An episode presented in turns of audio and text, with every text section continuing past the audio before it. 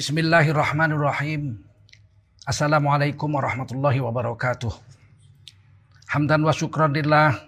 Wassalatan wassalaman ala rasulillah wa ala alihi wa sahbihi wa mawalah. Allahumma salli ala nabina Muhammadin wa ala alihi wa sahbihi ajma'in. Amma ba'du qala Allah Ta'ala fi kitabihil karim. A'udhu billahi minasy syaithanir rajim. Bismillahirrahmanirrahim. Bala man aslama wajhahu lillahi wa huwa muhsinun falahu ajruhu inda rabbih wala khaufun alaihim wala hum yahzanun. Sadaqallahul azim. Kang Daru dan Mas Ihsan serta moderator Ustadz seluruh Pemirsa pada hari ini wajiblah kita bersyukur pada Allah SWT. Salawat dan salam kita sampaikan untuk baginda Rasulullah Wasallam. Kita akan lanjutkan taklim kita secara online yang akan membahas masalah sabar uh, ikhlas ya ikhlas bab 5 daripada kitab Muntakhab Hadis. Ikhlas itu kalau dalam beramal memfokuskan untuk mencari keridhaan Allah. Nah, itulah ikhlas. Dia ada untung dunia atau enggak ada untung dunia, yang penting Allah ridho. Nah, itu keikhlasan yang paling tinggi. Tetapi dalam hadis kata Nabi, ikhlas itu adalah meninggalkan yang diharamkan oleh Allah SWT. Jadi kalau kita sholat 30 tahun, sudahkah kita ikhlas dengan sholat kita? Maka ukurannya adalah beranikah kita meninggalkan maksiat yang menghancurkan pahala sholat kita. Misalnya berzina. Orang berzina itu 70 tahun amalnya hapus. Lalu dalam istilah di komputer itu deleted, dihapuskan. Gara-gara satu kali berzina, sholat 70 tahun pahala sholat habis, pahala puasa habis. Sehingga orang kalau udah sholat 30 tahun, puasa 30 tahun, kepentok gitu, kepergok dengan satu perempuan mau berzina, dia teringat, ini kalau aku buat, kenikmatannya sebentar, tapi sholatku 70 tahun angus. Puasaku angus 70 tahun, hajiku angus. Ah nggak mau lah. Maka dia tinggalkan, walaupun dengan berat hati, tapi itulah ikhlas itu. Dalam hadis yang lain, yaitu meninggalkan kemaksiatan. Nah dari itu kita akan baca beberapa hadis dan ayat Quran duluan ini dalam kitab ini karena ini bab yang pertama daripada ikhlas ya itu memfokuskan atau mengharapkan ridho Allah tetapi juga mencoba mati-matian untuk meninggalkan maksiat agar pahala-pahala kita yang sudah ada tidak hangus terbakar karena kemaksiatan yang kita buat itu. Saya bacakan tadi adalah surah Baqarah ayat 112 ya. Bahkan ya bala man aslama wajahahu lillahi Barang siapa yang menyerahkan dirinya kepada Allah Subhanahu wa taala wa huwa muhsinun dan dia berbuat kebaikan muhsin ihsan orangnya muhsin ya. Orang yang berbuat ihsan itu disebut muhsin. Dulu zaman saya ada penyanyi Indonesia yang terkenal Sandora Muhsin. Cuman karena ejakan dulu ejaan lama itu H kecil itu ditulis dengan KH, muhsin. Padahal sebetulnya muhsin itu pakai H, asal kata ihsan. Jadi barang siapa yang menyerahkan diri pada Allah. Ini aslama wajahahu lillah, bukan bukan menundukkan mukanya, wajah gitu. Bukan, ini kata kiasan.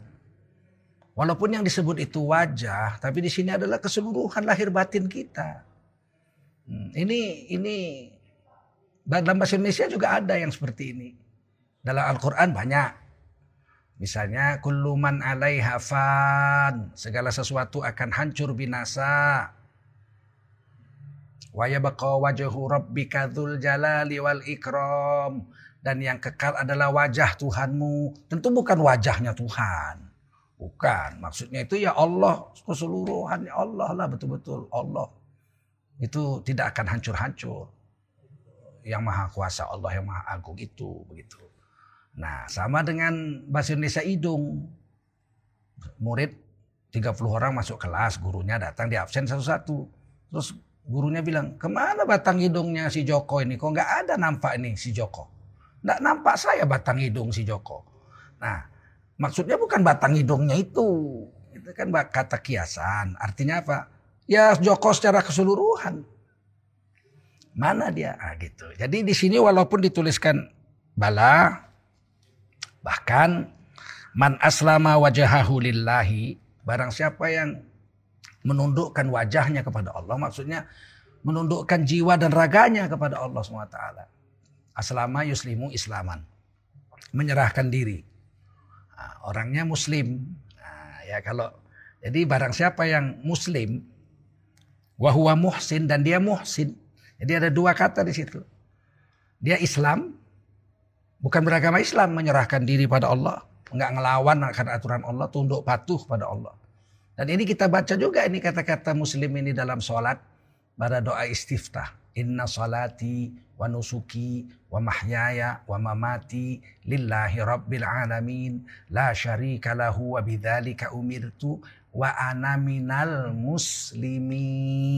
Nah, sesungguhnya sholatku, ibadahku, hidupku, matiku lillahi rabbil alamin. Semata-mata hanya untuk Allah SWT. La syarikalah tidak ada syarikat bagi Allah. Wabidzalika umirtu dan aku diperintah seperti itu. Jadi kita ini diperintah Allah seperti itu. Betul-betul semuanya untuk Allah. Nah itu. Jangan untuk yang lain. Ini dunia ngikut aja. Ngikut aja ini dunia. Barang siapa fokus kepada Allah, dunia ikut. Dunia ini mengikuti orang-orang yang berbuat baik. As orang-orang muslim dan orang-orang muhsin. Dunia tunduk pada mereka karena dunia khuliqat lakum. Ini dunia diciptakan untukmu kata Allah. Cuma sekarang kan kita nggak yakin. Cobalah kalau kita fokusnya mau haji. Kita kumpulkan dana, kita daftar haji, kita kumpulkan dana, pas terkumpul masuk nama kita, kita kita berangkat haji. Toh kita jalan-jalan juga kan, naik pesawat terbang sampai ke oh, menyeberangi samudra Indonesia ya samudra India sampai ke sana ya naik bus lihat Jeddah lihat ini lihat itu ya, ya dunia ikut. Kita jalan-jalan juga gitu. Tapi kita fokusnya haji. Dunia kita lihat juga. Kita bisa belanja barang-barang yang ada di seluruh dunia yang dijual di Mekah Medina di Jeddah. Tapi kalau kita fokusnya dunia agamanya nggak dapat kumpul duit kumpul duit mau jalan-jalan nah dapat duit jalan-jalan hajinya nggak dapat tapi kalau fokusnya untuk haji, jalan-jalannya dapat. Begitu. Ini yang kadang-kadang orang nggak paham bahwa dunia ini menyertai orang-orang yang menjalankan agama itu pasti. Sebab agama tidak bisa dikerjakan kecuali di dunia ini. Ya, jadi pasti dunia ini ikut agama. Mana bisa kita mengamalkan agama di kubur? Nggak bisa di padang mahsyar. Mau mengamalkan agama di kubur nggak bisa alam barzakh, di padang mahsyar nggak bisa. Mau ngamalkan agama di sorga nggak bisa.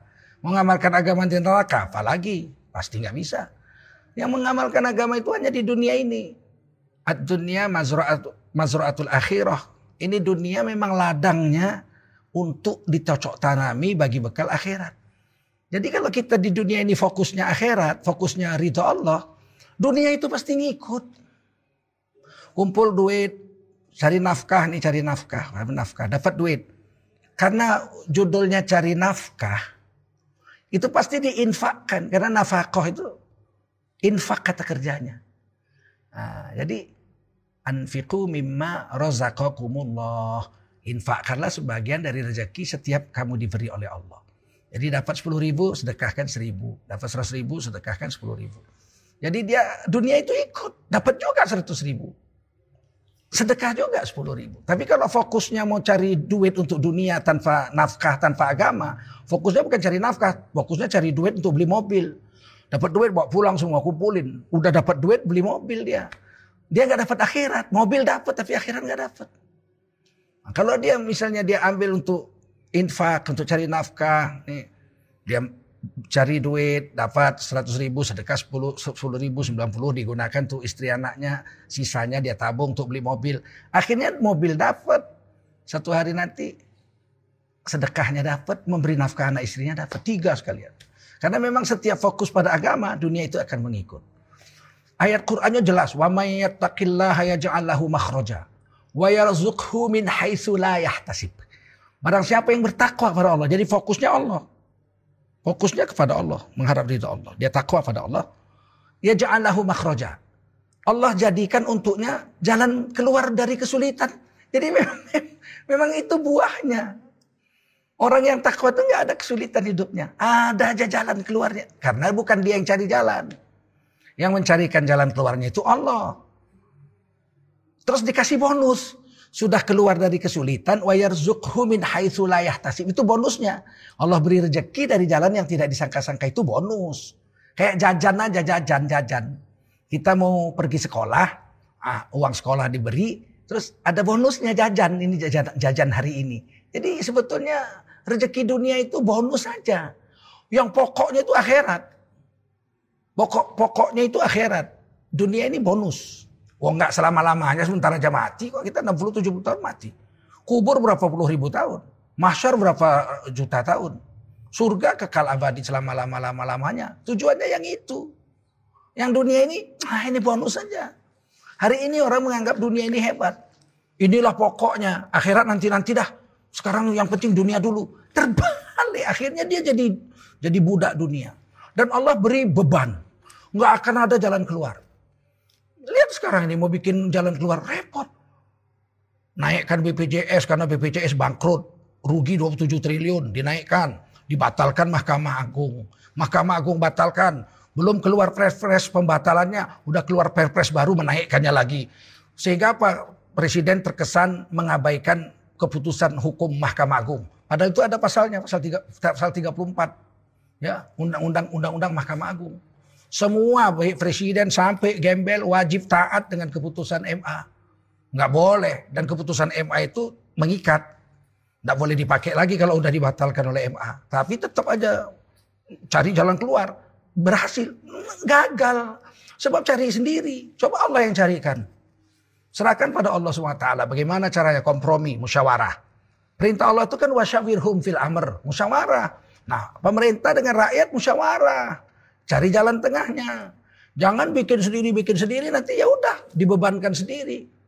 Nah, kepadanya, nah, carilah jalan keluar sendiri kata Allah. Aku nggak mau carikan jalan keluar. Matilah kita kalau begini di dunia ini kalau Allah nggak bantu. Kita itu mau hidup di dunia ini dibantu Allah. Nah, oleh karena itulah Nabi perang 300 lawan 1000 perang Badar. Nabi berani maju. Bulan puasa lagi. Di tengah padang terik lagi padang pasir perang Badar sana. Tapi menang. Karena dibantu oleh Allah. Giliran merasa kuat, sahabat-sahabat merasa hebat, 10 ribu tentara perang uh, di di apa di Taif, perang Hunain, merasa kuat sahabat-sahabat, kita pasti menang, 10 ribu. Hancur, kalah. Bubar pasukan Islam difanah sama orang-orang Badui Taif. Cuman 100 orang yang setia mengawani Rasulullah yang lain bubar bu, wah habis bu, remuk redam itu pasukan. Kenapa? Merasa kuat sendiri, nggak nggak perlu dibantu Allah, hancur. Perang Badar sedikit, Hah? sepertiga aja 300 lawan 1000, 313 lawan 1000. Tapi merasa minta bantuan Allah, menang. Oleh karena itulah di sini ayat katakan, bala man aslama wajahahu lillah. Bahkan ini penekanan bala itu. Mesti begini gitu, nggak bisa nggak yang lain. Gak bisa yang lain. Ini mesti begini. Man aslama wajahahu lillah. Barang siapa yang menundukkan jiwa raganya kepada Allah semata-mata. Aturan dipakai aturan Allah. Nah, ini ada yang mengatakan pemerintah ini harus kebal, bisa kebal hukum karena ada undang-undang yang membolehkan satu dua tiga bala disebut-sebut undang-undangnya. Harusnya yang penting jangan ditangkap pemerintah ini kalau uangnya salah guna kalau niatnya baik. Dalam Islam ada dua niat baik, cara yang baik. Nggak cukup niat saja. Niat baik, mau sedekah, tapi mencuri. Saya mau sedekah. Dulu zaman orang-orang Jawa kan ada namanya maling wikuno. Dia mencuri harta orang-orang kaya, dibagi untuk orang-orang miskin. Ya nggak berpahala uang duitnya duit mencuri kok. Kalau di uh, dunia barat ada Robin Hood. Robin Hood itu orang Islam. Rob bin Hood. Itu orang Islam. Dalam filmnya juga cuman dibalik tokohnya tidak Islam, kawan akrabnya Islam. Padahal itu Rob bin Hood itu orang Islam. Tapi dia caranya bagaimana? Mengambil harta orang-orang kaya, kemudian membagikan pada orang-orang miskin. Tidak boleh. Sedekah pada orang miskin. Niatnya baik, niatnya sedekah. Iya, tapi caranya mencuri. Dalam Islam itu dua. Niat yang baik diiringin dengan pekerjaan cara yang baik, baru dia disebut baik. Niat yang baik saja, cara nggak baik, maka dia tidak tidak baik. Oleh karena itu ayat ini mengatakan man aslama wajahahulillah. Barang siapa yang menundukkan jiwa raganya dengan aturan Allah. Aslama yuslimu islaman, betul-betul ikut aturan Allah. Kalau mau sedekah ya cari nafkah cara halal. Kalau mau naik haji ya cari duitnya duit yang halal. Duit korupsi dipakai untuk haji. Kan yang penting niatnya baik. Ya tapi caranya cara mencuri, cara korupsi. Nggak dapat dia kebaikan apa-apa. Nah ayat ini kembali saya tegaskan. Bala, bahkan mesti begitu. Man aslama wajahahu lillah. Barang siapa yang menyerahkan dirinya tunduk patuh dengan aturan Allah. Lahir batin. Wahuwa muhsin. Nah, dia berbuat baik. Jadi tidak cukup dia dengan ah, saya niat tunduk sama Allah. Tapi caranya tidak muhsin. Bukan cara yang ihsan. Bukan orang muhsin orangnya. Ihsan caranya. Cara yang baik. Nah, maka walaupun dia muslim menyerah diri dengan Allah. Tapi caranya cara bukan cara Islam bukan cara yang baik nggak diterima sama Allah. Tapi kalau dia menundukkan jiwa raganya dengan aturan Allah dan dia berbuat baik sesuai dengan aturan Allah, falahu ajruhu inda rabbih. Maka bagi orang itu, bagi orang yang menyerah lahir batin dengan aturan Allah dan berbuat baik sesuai dengan maunya Allah dan Rasul, bagi orang itu ajruhu inda rabbih, diberikan ganjaran pahala dari sisi Tuhannya. Berapa besar? Oh, terserah Allah. Wallahu yudha'ifu liman yasha. Terserah Allah. Allah beri berapa banyak. Paling sedikit 10. Manja abil hasanati falahu asyru amsaliha. Siapa berbuat satu kebaikan Allah bayar 10 kali lipat. Katanya ikhlas pak. Kok ngitung-ngitung pahala? Pahala itu menunjukkan keikhlasan.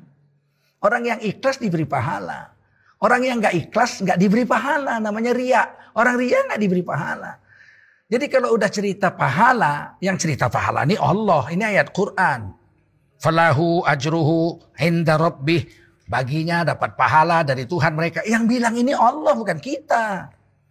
Jadi Bapak kalau cerita ikhlas jangan cerita-cerita pahala. Nah yang cerita pahala bukan kita, bukan pelaku. Yang cerita pahala ini pembicara mutakalim. Allah SWT Rabbul Izzat. Masa mau dibuang ayatnya?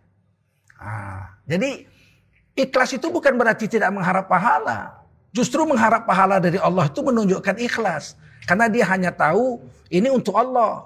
Dan Allah janjikan pahala untuk saya. Nah, dia nggak berharap kepada selain Allah. nggak berharap jabatan dunia. Karena itu nggak ada janji dari Allah. Nggak berharap dapat pangkat. nggak berharap dapat pujian. nggak ada janjian dari Allah. Janji dari Allah kalau kita menyerah lahir batin pada Allah menjalankan kebaikan menurut aturan Allah dan Rasul diberi pahala. Paling sedikit berapa? 10. Surah Al-An'am. Manja abil hasanati falahu asyuram salihah. Atau 700. Surah apa? Surah Al-Baqarah 261. Mathalul ladhina yunfiquna amwalahum fi sabilillahi kamathali habbah ambatat sab'an sanabil fi kulli sumbulatim mi'atu habbah. Siapa mendermakan hartanya di jalan Allah satu. Seperti menanam satu biji di dalam tanah. Dari biji satu yang ditanamnya di dalam tanah itu tumbuhlah tujuh tangkai. Setiap-tiap tangkai buahnya seratus, seratus, seratus, seratus, seratus, seratus, seratus, tujuh ratus. Nah, jadi kalau berbuat baik ini, muhsin ini, orang-orang yang berbuat baik, berbuat ihsan, itu bayarannya paling sedikit 10. Bisa 700. Terus bisa lebih? Bisa. Wallahu yudha'ifu. Allah membayar terserah Allah berapa banyak kepada siapa Allah mau. Kata Imam Syafi'i mentafsirkan ayat ini, wallahu yudha'ifu ini. Allah bayar berapa besar pada Allah uh, oleh Allah, Allah bayar berapa besar kepada siapa Allah mau. Ini tergantung musyakatnya, kata Imam Syafi'i. Jadi begini, kalau ada orang berbuat baik, susah payah, Allah beri ujrohnya, upahnya itu lebih besar lagi. Misalnya begini, ada orang pergi ke masjid, jalan kaki, dari rumahnya ke masjid 30 meter. Dia kan pasti dapat tuh satu satu langkah dapat tiga, setiap langkah dapat tiga. Hapus dosa dapat satu pahala, naik satu derajat. Setiap langkah 30 30 meter taruhlah 50 langkah. Dia itu diampuskan dosanya 50, diberi pahala 50, dinaikkan derajatnya 50 derajat. Tapi ada orang yang pergi ke masjid jaraknya satu kilometer. Ah, seribu meter. Tentu mungkin sekitar 1700 langkah. Dia 1700 langkah susah tuh sampai berkeringat. Dia dapat apa? 1700 pahala, 1700 dosa diampuni, 1700 derajat dinaikkan derajatnya. Jadi bayarannya tidak sama. Tergantung musyakatnya, tergantung susahnya. Nah. Orang tahajud.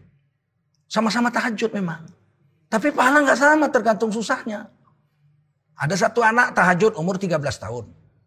Ada satu kakek-kakek umur 70 tahun tahajud. Ada anak uh, orang dewasa umur 45 tahun tahajud. Sama-sama tahajud, sama-sama bangun jam satu malam. Pahala nggak sama.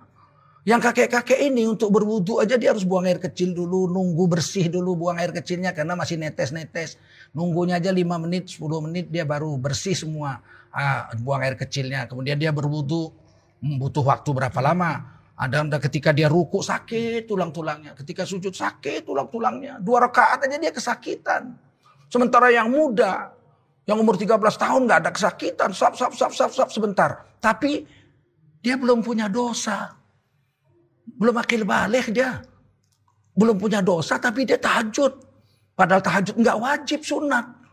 Ah, kemudian yang umur 45 tahun, sehat walafiat nggak ada masalah apa-apa, dia sholat juga tahajud. Masa sama Allah bayar pahalanya? Mungkin Allah bayar lebih besar kepada kakek-kakek itu yang susah payah karena sakit seluruh tubuhnya. Mungkin Allah bayar lebih besar pada anak muda yang nggak berdosa tapi mau tahajud padahal nggak wajib. Nah, ini tergantung musakotnya. Atau yang umur 45 tahun itu ternyata kuli. Kuli macul sana macul sini sehingga tertidur badannya seluruhnya sakit semua badannya waktu tidur bangun tahajud dia sholat padahal dia kerja keras. Tentu tumpahnya nggak sama. Eh, oh, terserah Allah aja. Terus kenapa kita katanya ikhlas mengharap pahala? Karena yang menjanjikan pahala ini Allah. Ayat Quran. Kalau yang menjanjikan pahala itu gubernur, lurah, kepala RT, ah, itu kita tidak berharap. Kita berharap kepada selain Allah itu. Tapi kalau pahala ini kita berharap pada Allah karena janjinya dari Allah. Mudah-mudahan bisa paham ya. Karena ada orang bilang oh mengharap pahala nggak ikhlas. Ini ikhlas ini, ini ayat Quran wala khaufun alaihim wala hum yahzanun. Bagi mereka tidak ada ketakutan dan bagi mereka tidak ada kesedihan atau kecemasan. Ya, ini ayat yang pertama daripada bab ikhlas yang dituliskan dalam kitab Muntakhab Hadis yaitu surah Al-Baqarah 122. Yang kedua, ayat kedua. Wa ma tunfiquna illa Wa ma tunfiquna illa btigha'a wajhillah. Al-Baqarah 272. Dan janganlah kamu membelanjakan sesuatu kecuali hanya mencari ridho Allah. Nah, ini namanya ikhlas. Sebab ada orang membelanjakan sesuatu dalam rangka kampanye. Ada. Nah, saya bagi beras satu ton dalam rangka saya kampanye. Habis itu saya bilang, saudara-saudara saya minta restu karena saya mau maju jadi DPR. Ya dia dapat juga, tapi dapatnya yang itu. Yang mana? Ya DPR-nya itu. Wa may yuridud dunya nu'tihi minha. Siapa yang berbuat sesuatu kebaikan tapi niatnya untuk dapat dunia, maka dunia kami berikan kepadanya. Diberi janji Allah itu. Saya berbuat ini untuk supaya saya naik pangkat, supaya saya dikenal orang, supaya saya jadi PR, supaya jadi gubernur, supaya diberi oleh Allah. Nu'tihi minha beri. Makanya kalau kita mendapat kedudukan dunia jangan kita pikir Allah sayang sama kita. Belum tentu. Di dalam Al-Quran memang orang manusia ini kadang-kadang selalu keliru. Kalau diberi harta yang banyak dipikirnya Allah sayang sama dia. The Fir'aun, Korun, Diberi Allah pangkat dan harta yang banyak. Tapi Allah nggak sayang sama dia. Namanya istidraj. Malah Allah mau membanting dia sesakit-sakitnya kematian. Oleh karena itu Janganlah kamu belanjakan sesuatu kecuali mencari, mencari atau mengharapkan ridho Allah saja. Nah, saya, saya katakan kalau kita dapat ridho Allah, dunia dapat. Pasti itu. Pasti. Kenapa? Karena janji-janji Allah memang begitu. Nah, kita bacakan janjinya. Yang saya baca tadi dalam surah Ali Imran. Ya. Wa may yuridu thawabat dunya nu'tihi minha. Siapa yang berbuat baik mengharapkan balasan dunia, maka kami berikan balasan dunia itu kepadanya. Wa may yuridu thawabal akhirati nu'tihi minha. Dan siapa yang berbuat baik untuk mengharapkan akhirat, maka kami berikan kepadanya akhirat itu. Tapi ada tambahan. Apa tambahan? Wasana jazir syakirin. Wasana jazir syakirin. Kalau kita berharap akhirat, selain akhirat dapat, dunia ngikut. Nah, itu dia. Ada tambahan untuk orang-orang yang bersyukur. Kalau yang mengejar dunia, wa fil akhirati min khalaq. Dunia dapat, akhirat nggak dapat. Ada duit, kepingin jalan-jalan, ngumpulin duit, udah dapat jalan-jalan. Nggak pergi haji ya nggak dapat haji. Ada orang kumpulin duit supaya dapat dia naik haji. Maka dapat duit dia naik haji. Hajinya dapat, jalan-jalannya dapat juga. Karena haji pasti jalan-jalan kan. Nyebrang samudra India tadi saya katakan. Ah. Ini ini yang kadang-kadang kita nggak paham. Saya kepingin punya baju baru. Bagus. Untuk apa? Supaya saya sholat enak. Saya kumpulin duit, saya beli baju baru untuk sholat. Sholatnya dapat, bajunya dapat. Tapi kalau saya kepingin punya baju baru, supaya saya bisa jalan-jalan ke mana-mana pakai baju baru, orang akan terkagum-kagum. Dapat duit beli baju, ya jalan-jalan. Dia nggak sholat karena memang nggak ada niatnya beli pakaian untuk dipakai sholat. Mudah sebetulnya memahamkan ini. Ya. Siapa mengejar akhirat, dunia akan menjadi bonusnya. Siapa berbuat sesuatu untuk dunia, dunia dapat. Jangan bilang nggak dapat. Dunia diberi, tapi akhirat nggak dapat.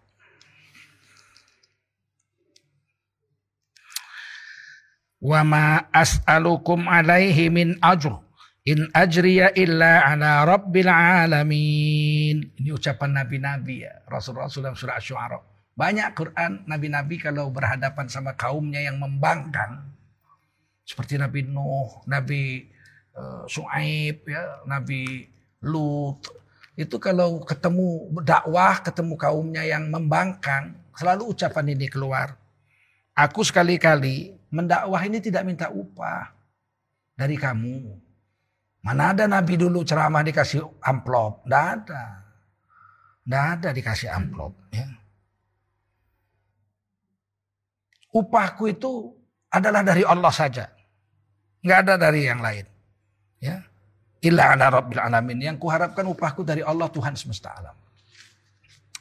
Ya, selalu nabi-nabi begitu. Orang-orang soleh selalu begitu. Di dalam surah Yasin juga ada tiga pendakwah kepada satu kaum dibunuh. Mereka dibunuh. Dakwah dibunuh. Disebutkan tiga orang itu adalah murid-murid Nabi Isa alaihissalam. Kaum Hawariyun. Murid-murid Nabi Isa dakwah. Dibunuh. Di dalam kaum yang membunuh utusan Nabi Isa itu ada satu pemuda namanya Habibun Najjar. Habibun Najjar dia membela tiga orang itu. Kenapa orang berbuat baik kalian bunuh? Ittabi'u man la yas'alukum ajra wa hum muhtadun. Ikutilah orang yang mengajak kamu untuk taat sama Allah. Dia nggak minta upah, kenapa kau nggak ikuti malah kau bunuh? Ini Habibun Najjar pun dibunuh juga. Ternyata kalau kaum sudah buta hatinya, orang yang melakukan kebaikan, mengajak untuk baik, itu dibilang nyinyir, dibully, bahkan dibunuh. Bahkan yang membela aja cuma bilang, kenapa sih kalian bunuh? Orang dia itu datang sini cuma ngajak kamu menyembah Allah. Nggak minta upah lagi. Ikutilah orang yang mengajak kamu nggak minta upah. Susah-susah dari negerinya jalan jauh-jauh kemari. Pakai bekal sendiri. Hmm, pakai duit sendiri. Cuman menyadarkan kamu, eh, ayo nyembah Allah, jangan nyembah selain Allah. Kamu bunuh. Ikuti, dibunuh juga yang ngomong kayak gitu itu. Ya, kadang-kadang saya sedih, saya ikut jemaah tablik sejak tahun 1988. Waktu tahun 1988 itu, 1988 itu, saya di dosen di USU, Universitas Sumatera Utara. Dakwah dari masjid selalu diusir. Kadang-kadang ngusirnya tengah malam lagi. Kita baru mau istirahat tidur. Jam 12 malam datang Kapolsek. Datang tokoh masyarakat, diusir. Malam ini juga harus meninggalkan masjid ini. Kita bilang apa sih salah kami? Salah Anda itu Anda mengganggu kenyamanan orang kampung sini. Anda mengetuk-ngetuk rumah orang, ngajak-ngajak ke masjid. Itu urusan pribadi. Orang mau ke masjid atau nggak masjid itu urusan pribadi. Sekarang berangkat kau dari masjid ini sekarang juga. Ya kita bilang janganlah Pak besok pagi aja kami. Gak bisa malam ini. Ya malam itu juga kita harus kumpulin barang-barang. Kita keluar. Kita Kadang-kadang kita mau cari masjid lain pun jalan jauh. Macam mana kita mau pergi masjid lain. Tengah malam jam 12, jam 1 malam gitu. Kadang-kadang ada yang kasihan tenaga masjid itu. Diam-diam begitu orang pergi dia bilang, Pak mari Pak. Bapak nginap di rumah kami aja. Sambil nangis itu. Bapak nginap rumah kami aja. Nanti habis sholat subuh Pak. Bapak baru berangkat pindah. Saya nggak berdaya apa-apa. Saya mau ngelawan nggak berani Pak saya sama orang-orang ini. Kalau Bapak lihat tadi polisi datang, semua datang situ. Ayo sini Pak. Digelarlah tiker, bentang tiker. Kami tidur di ruang tamunya. Sampai subuh kami sholat lagi masjid itu. Barang-barang disimpan di rumah Bapak itu. Loh masih ada, belum pergi. Kita diam aja sholat. Habis sholat subuh kita berangkat. Sebegitu susahnya ngajak orang mau ke masjid aja susah. Dibilang mengganggu ketentraman. Padahal yang diajak orang Islam. Bukan orang-orang non-Islam. Kan orang-orang kafir kita aja. Orang Islam diajak ke masjid, dia katanya terganggu ketentramannya. Akhirnya diusir. Padahal kita pakai duit sendiri. Makan masak sendiri. Cuman ngajak ayo pak ke masjid supaya dia nggak jangan meninggalkan tiang agama sholat. Karena dia orang Islam. Tapi baru diusir, belum pernah dibunuh. Diancam bunuh sering. Ya, diancam bunuh beberapa kali lah kami dulu diancam bunuh. Dikepung masjid pakai tombak, pakai parang suruh keluar mau dibunuh. Tapi nggak dibunuh juga. Tapi hampir lah, hampir dibunuh ada. Nah, diusir sering. Lah ini surah Yasin. Habibun Najar dengan tiga murid Nabi Isa alaihissalam. Tiga-tiga dibunuh. Yang cuma ngomong ayo ikuti orang yang nggak bayar. nggak nggak dia nggak minta upah. Ngajak untuk tahan nggak minta upah. Dibunuh juga. Ya. Apakah mereka yang dibunuh itu menderita? Loh ya enggak. Kalau dibunuh gara-gara agama dia mati syahid. Enggak ada urusan sebenarnya mereka itu tidak merasa sedih. Karena Allah pun bilang wala khaufun alaihim wala hum yahzanun. Mereka enggak tidak ada ketakutan bagi mereka dan tidak ada kesedihan bagi mereka. Enggak ada. Begitu mati aja langsung udah bahagia. Ruhnya itu udah ruhnya itu ditampung dengan sebuah apa namanya? kain dari nur yang harum semerbak. Orang-orang yang bela agama itu mati ruhnya langsung dimasukkan dibawa sama malaikat.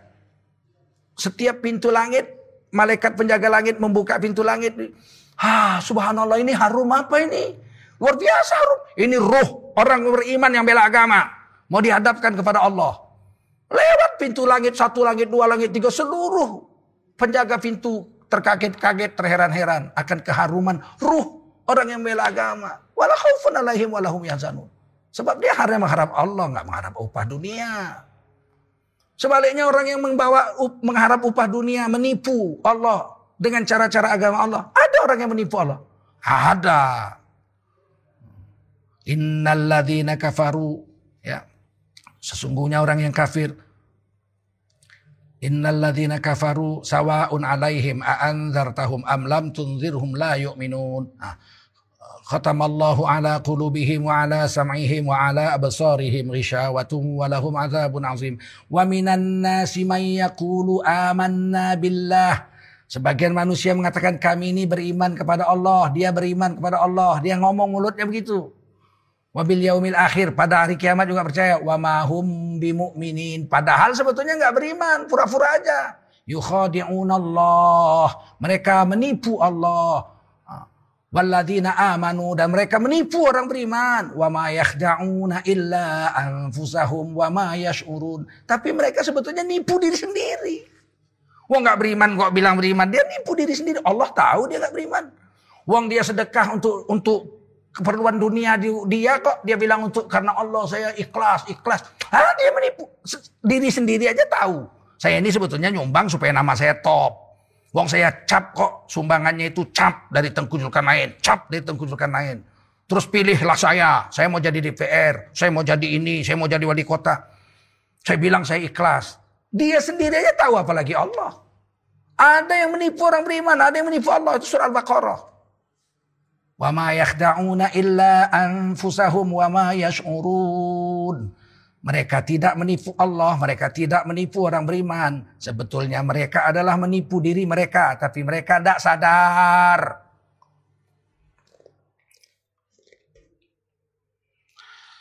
Baik kita baca hadis pertamanya. An Abi Hurairah radhiyallahu anhu qal. Dari Abu Hurairah radhiyallahu anhu berkata beliau. Ini sahabat Nabi yang paling banyak menghafal hadis. 11 ribu hadis beliau hafal dari Rasulullah SAW. Qala berkata dia beliau, Qala Rasulullah sallallahu alaihi wasallam. Baginda Rasulullah SAW telah bersabda, Inna Allah la yanzuru ila suwarikum. Sesungguhnya Allah tidak memandang kepada bentuk rupa badanmu. Mau ganteng, mau jelek, mau cacat, Mau sempurna tubuhmu kayak bidadari kah kamu? Allah nggak lihat itu semua. Allah yang ciptakan itu. Masa Allah lihat itu orang? Itu ciptaan Allah. Allah nggak lihat itu. Wa amwalikum. Allah tidak lihat bentuk tubuhmu yang hebat, hartamu yang banyak. Sama sekali. Itu Allah yang beri. Walakin yang zuru ila kulubikum wa a'malikum. Tetapi Allah melihat hatimu. Adakah di situ keagungan Allah bertahta? Apakah kamu berbuat sesuatu karena hebatnya Allah dalam hatimu? Wa a'malikum dan Allah lihat amalmu, apakah amalmu sesuai dengan aturan Allah? Apakah amalmu sesuai dengan aturan Rasul? Itu Allah lihat. Hadis ini diriwayatkan oleh Imam Muslim, ya. Sahih Muslim. Hadis yang berikut, An Umar bin Khattab radhiyallahu anhu. Nah, ini Umar bin Khattab sahabat Nabi. Beliau orang yang ke-40 masuk Islam. Ya. Orang yang ke-40 masuk Islam. Setelah beliau masuk Islam, beliau minta sama Nabi untuk sholat terang-terangan di Ka'bah. Ayo kita sholat berjemaah di Ka'bah. Selama ini sholat sembunyi-sembunyi. Apa kata sembunyi-sembunyi kata Umar bin Khattab anhu? Kita dalam yang hak. Wanahnu alal haqqi. Kita ini berdiri di atas kebenaran. Kenapa mesti sembunyi-sembunyi? Ayo sholat besok berjemaah ke masjid. Masjidil Haram. Dilihatin sama kafir-kafir. Dikebukin, dilemparin batu. Enggak peduli dia ngelawan. Sebab beliau perkasa. Jadi ada sahabat Nabi itu yang modelnya beramal sembunyi-sembunyi. Takut dipukuli orang. Tapi ada modelnya terang-terangan kayak Umar bin Khattab. Jadi kita jangan mencela kaum muslimin yang modelnya begitu. Ada orang yang diem, nggak berani menegur kesalahan. Dia beramal soleh tapi udahlah saya nggak berani. Itu kan batil itu, nggak beres tuh. Ya tapi saya nggak berani. Saya. Yang penting adem. Nah, biarlah dia begitu. Terus tiba-tiba ada yang berani ngomong. Jangan dicela. Kamu ini menebarkan kebencian. Kamu ini kasar. Kamu itu harusnya adem. Hei, ada yang kayak Umar bin Khattab. Ada yang kayak Amr bin Yasir. Gak sama sahabat itu. Ada yang sembunyi-sembunyi sholatnya di rumah Arkom bin Abil Arkom radhiallahu Ada yang kayak Umar bin Khattab terang-terangan. Ada yang hijrah sembunyi-sembunyi. Pindah dari Mekah ke Medina sembunyi-sembunyi. Ada yang terang-terangan. Saya, ah, Umar bin Khattab radhiallahu ini. Dia ambil kuda, dia keliling kota Mekah. Dia bawa pedangnya, dia bawa panahnya. Saudara-saudara. Kaum musyrikin Mekah. Ini Umar bin Khattab. Besok mau hijrah ke Madinah nyusul nabinya dengan Abu Bakar Siddiq. Siapa yang kepingin istrinya jadi janda dan anaknya jadi yatim, cegat Umar bin Khattab. Begitu. Gak ada sahabat Nabi yang bilang sombong, angkuh, eh, apa penebar kebencian. Gak ada yang begitu. Hari ini harus sadar orang Islam hari ini. Jangan kita mau berpihak kepada kebatilan. Ada yang mengatakan saya itu netral aja, nggak sana nggak sini. Hei, kalau kita netral nggak sana nggak sini, kita telah menganggap kebatilan dengan yang hak itu sederajat. Nggak boleh kita netral. Kalau net, ini ini ada bencong, ha, operasi di malam hari ganggu kampung kita, ngajak zina anak-anak laki-laki kita nih bencong. Nah, terus orang kampung ada yang protes, hei kamu bencong jangan begitu. Terus yang bilang saya enggak saya. Kemudian dia mau begitu ya terserah, dia nggak mau begitu ya terserah. Itu berarti dia menganggap homoseksual itu dengan tidak homoseksual itu sama derajatnya. Hak dengan batil itu sama. Nggak boleh. Minimal ya walaupun lembut. Ya memang jadi bencong itu ya salah. Minimal begitu. Gaya Jawa lah. Ya itu ya tetap salah. Kalau kami Sumatera nggak ada. Berhenti kau jadi bencong. Jangan kau rusak negeri kami. Kutikaikan batang leher kau nanti. Itu gaya orang Medan. Tapi jangan uh, kasar itu. Harusnya sama bencong jangan begitu. Dielus rambutnya. Tobat kamu ya, tobat kamu. Ya kalau mau bikin begitu bikin. Tobat kamu ya. Nah, yang kami, kau harus tobat. Yang nggak boleh itu sudah dia mau tobat bagus, nggak mau tobat juga bagus. Itu nggak boleh karena dia menganggap jadi bencong dengan tidak jadi bencong sama kedudukannya, padahal tidak. Saya pikir ini yang perlu pola pikir ini, pola pikir ini. Hari ini dirusak benar-benar. Ada orang joget-joget di panggung. Dia bilang biar aja kita itu nggak usah ikut-ikut. Orang usah turut-turut. Oh yang penting itu yang kita selamat wis. Bagaimana mau selamat kalau kita berbuat maksiat, membiarkan maksiat? Minimal hati kita benci. Saya nggak setuju, cuman saya nggak berani ngomong. Sampean berani ya, sampean berani, sampean yang ngomong. Mesti begitu. Hari ini enggak. Orang yang ngomong diserang. Penebar kebencian, sok suci, pemegang kunci sorga. Ini gaya-gaya PKI yang harus kita waspadai ini. Saya ingatkan ini saudara, saya tidak memfitnah. PKI ini Partai Komunis Indonesia itu lahirnya tanggal 23 Mei 1920. 23 Mei 2020 ini, ini ulang tahun PKI Partai Komunis Indonesia yang ke-100. Jangan dibilang komunis nggak ada di Indonesia masih bergerak mereka. Ciri-cirinya anti agama. Lihat orang berserban, dibilang pakai ban Vespa, Lihat orang pakai jubah, dibilang uh, pakai daster. Ah, lihat orang pakai kerudung, dibilang ke Arab-Arapan, Arabisasi. Lihat orang pakai cadar, dibilang Batman, ninja. Lihat orang celana cingkrang, radikal. Ah, lihat orang-orang soleh, kadal gurun. Ini bibit-bibit PKI masih hidup. Dan mau ulang tahun nih 23 Mei ini hari raya nih lebaran. Jangan lengah kalian orang Islam. Jangan terjadi lagi seperti yang di Ambon. Hari raya, lepas hari raya dibunuhi, dibacoi orang Islam. Jangan terjadi itu telikara. Orang sedang sholat raya dilempari batu, masjidnya dibakar tolikara. Itu lebaran juga. Kejadiannya lebaran. Ambon lebaran 1999. Tolikara lebaran. Jangan ini lebaran ulang tahun komunis PKI yang ke-100 ini lebaran ini. Jangan sampai ada nanti ustadz kita diculik, dibunuh. Jangan sampai terjadi. Jangan lengah. Saya ingatkan TNI. Jangan lengah ulang tahun PKI yang ke-100 ini. Jangan lengah. PKI dilarang di Indonesia dengan TAP MPRS nomor 25 tahun 1966. Belum dicabut. Walaupun pada undang-undang ideologi Pancasila Partai PDI Perjuangan menolak dimasukkannya TAP MPRS nomor 25 yang melarang PKI komunis itu, Leninisme komunis dan ateis dilarang, PDI Perjuangan menolak rancangan undang-undang HIP. Ya. Sekarang ini lagi dibuat ini. Mereka menolak dimasukkan TAP MPRS nomor 25. Kita tunggu aja, belum jadi draftnya RUU-nya. Kalau udah jadi nanti kita Kawal terus. MUI Majelis Ulama Indonesia mengawal ini. Jangan sampai kejadian seperti yang lain-lain. Belum disosialisasikan, tahu-tahu dari ketuk palu. Seperti RUU COVID-19 ini. Belum apa-apa sudah diketok palu sama DPR. Hanya PKS, Partai Keadilan Sejahtera yang menolak. Yang lain terima semua. Padahal situ ada kekebalan hukum. Terhadap penyelenggara negara seperti misalnya COVID-19 ini 405 triliun digelontorkan tidak boleh diaudit. Kalau ada terjadi penyelewengan tidak boleh dikatakan korupsi. Kan bahaya yang seperti ini. Makanya PKS menolak.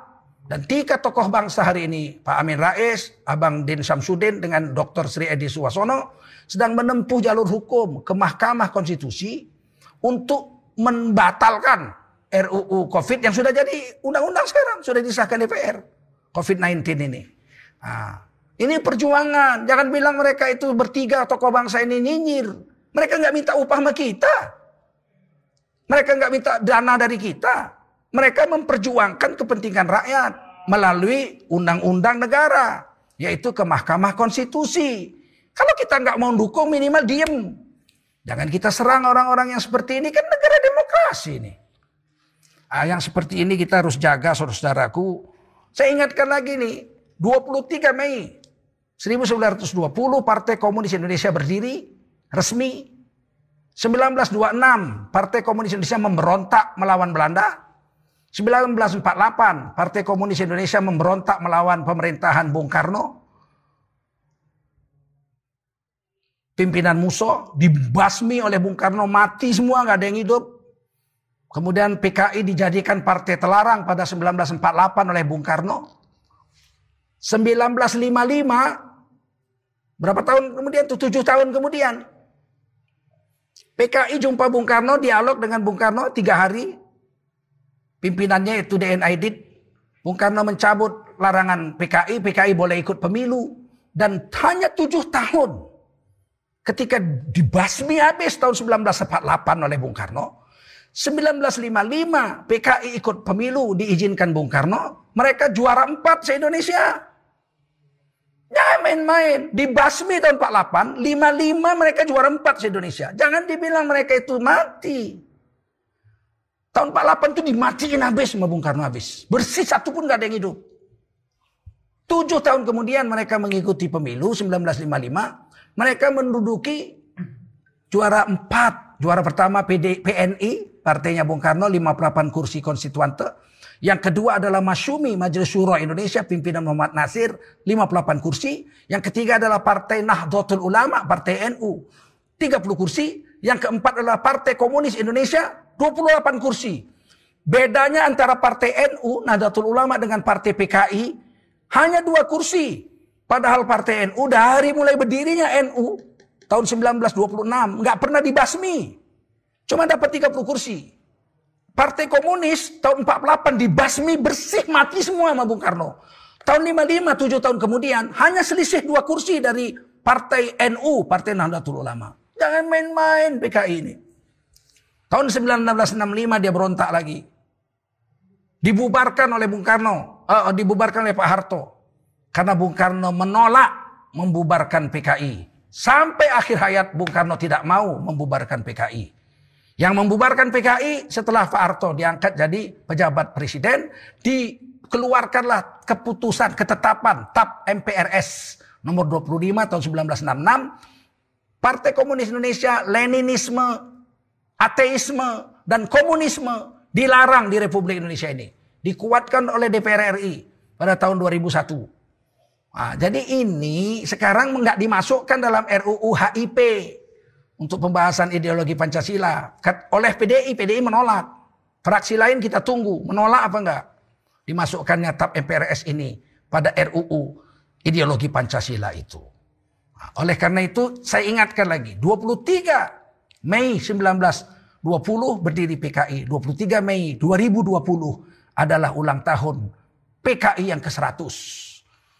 Oh, tak mungkin mereka buat ulang tahun terang-terangan di depan orang banyak. Iya, tapi kalau menculik ulama-ulama, membunuh ulama-ulama bisa jadi. Sebab tahun 1999 ketika reformasi terjadi, banyak ulama-ulama di Jawa Timur itu dibunuh di depan anak istrinya. Datang orang tiga truk, dua truk datang diseret ulama dari dalam Rumahnya dicincang-cincang, dibunuh, dibilang dukun santet. Dukun santet, dukun santet. Rata-rata ulama NU yang dibunuh pada tahun 1999. Di depan anak istrinya, depan orang kampungnya. Tidak ada satu pun bisa membantu. Karena mereka datangnya banyak. Orang kampung nggak berani. Datang tiga truk, siapa yang berani? Bawa parang, bawa kampak. Jadi hati-hati kita. Kita siapa yang membunuh itu? Dukun-dukun santet dibilang padahal ulama-ulama kampung. Ustadz-ustadz kampung. Dan sampai sekarang tidak ada yang ditangkap yang membunuh ustadz-ustadz kampung yang dituduh sebagai dukun santet pada tahun 1999 itu. Nah saudara-saudara yang mulia, saya bacakan hadisnya supaya cepat. Sami itu Rasulullah SAW yakulu, aku Umar bin Khattab radhiyallahu mendengar Rasulullah bersabda, Innamal a'malu bin niyah. Hanya saja segala sesuatu itu tergantung kepada niat. Wa innama li imri'in manawa. Ya. Dan sesungguhnya seseorang itu hanya mendapatkan apa yang dia niatkan saja. Faman kanat hijratuhu ilallahi wa rasulihi fahijratuhu ilallahi wa rasulih. Barang siapa berhijrah dari Mekah ke Madinah demi Allah dan Rasul, maka dapatlah bagi dia Allah dan Rasulnya.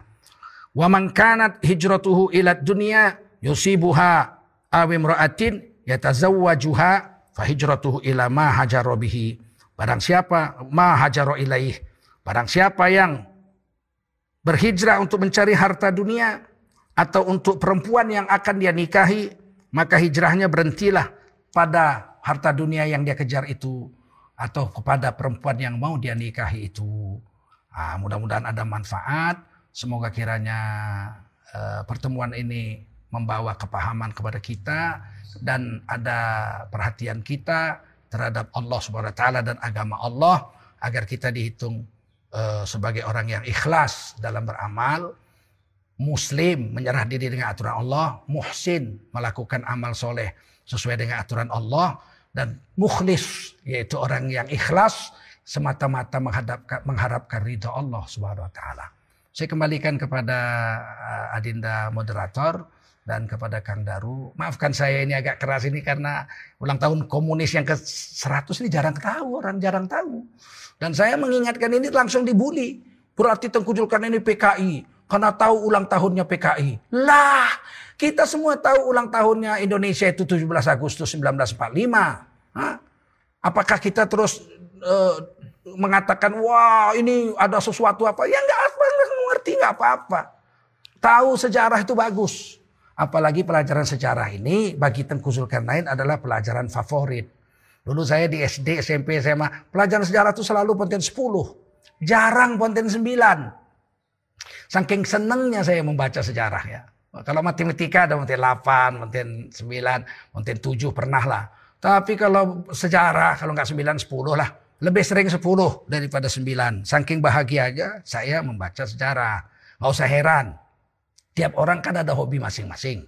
Nah, begitu juga dengan saya suka sejarah dan tidaklah salah mengingatkan kita tentang PKI karena PKI telah terbukti tiga kali memberontak di negara Indonesia dan lebih 100 juta orang di seluruh dunia yang dibunuh oleh komunis di Cina, di Uni Soviet, di Albania, di Kamboja. Di Kamboja aja 3 juta orang dibunuh oleh Khmer Merah komunis. Di Vietnam, ah, belum di Bangladesh, Mujibur Rahman itu anak istrinya sama bayi-bayi yang dalam ayunan dibunuh semua.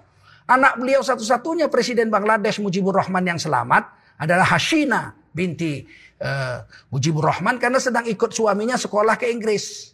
Kalau nggak mati juga itu Presiden Bangladesh Hashina itu. Saya kan ke Bangladesh tahun 96. Waktu itu sedang terjadi reformasi, Hashina jadi presiden. Sehingga saya betul-betul mendengarkan kisah-kisah tentang bagaimana keluarga Mujibur Rahman ini dibunuh oleh perwira-perwira komunis. Ya, waktu itu sedang bergolak komunis. Di Indonesia di mana-mana juga demikian. Di Indonesia tujuh jenderal uh, yang terbunuh dan mudah-mudahan tidak terulang lagi peristiwa kebiadaban komunis ini dengan memakai sarung baru ya membunuhi ulama-ulama nanti dibilang gila lah dibilang inilah dibilang macam-macam ya ini kita tidak mau silakan Kang Daru dan Adinda Prof Ustadz Punawar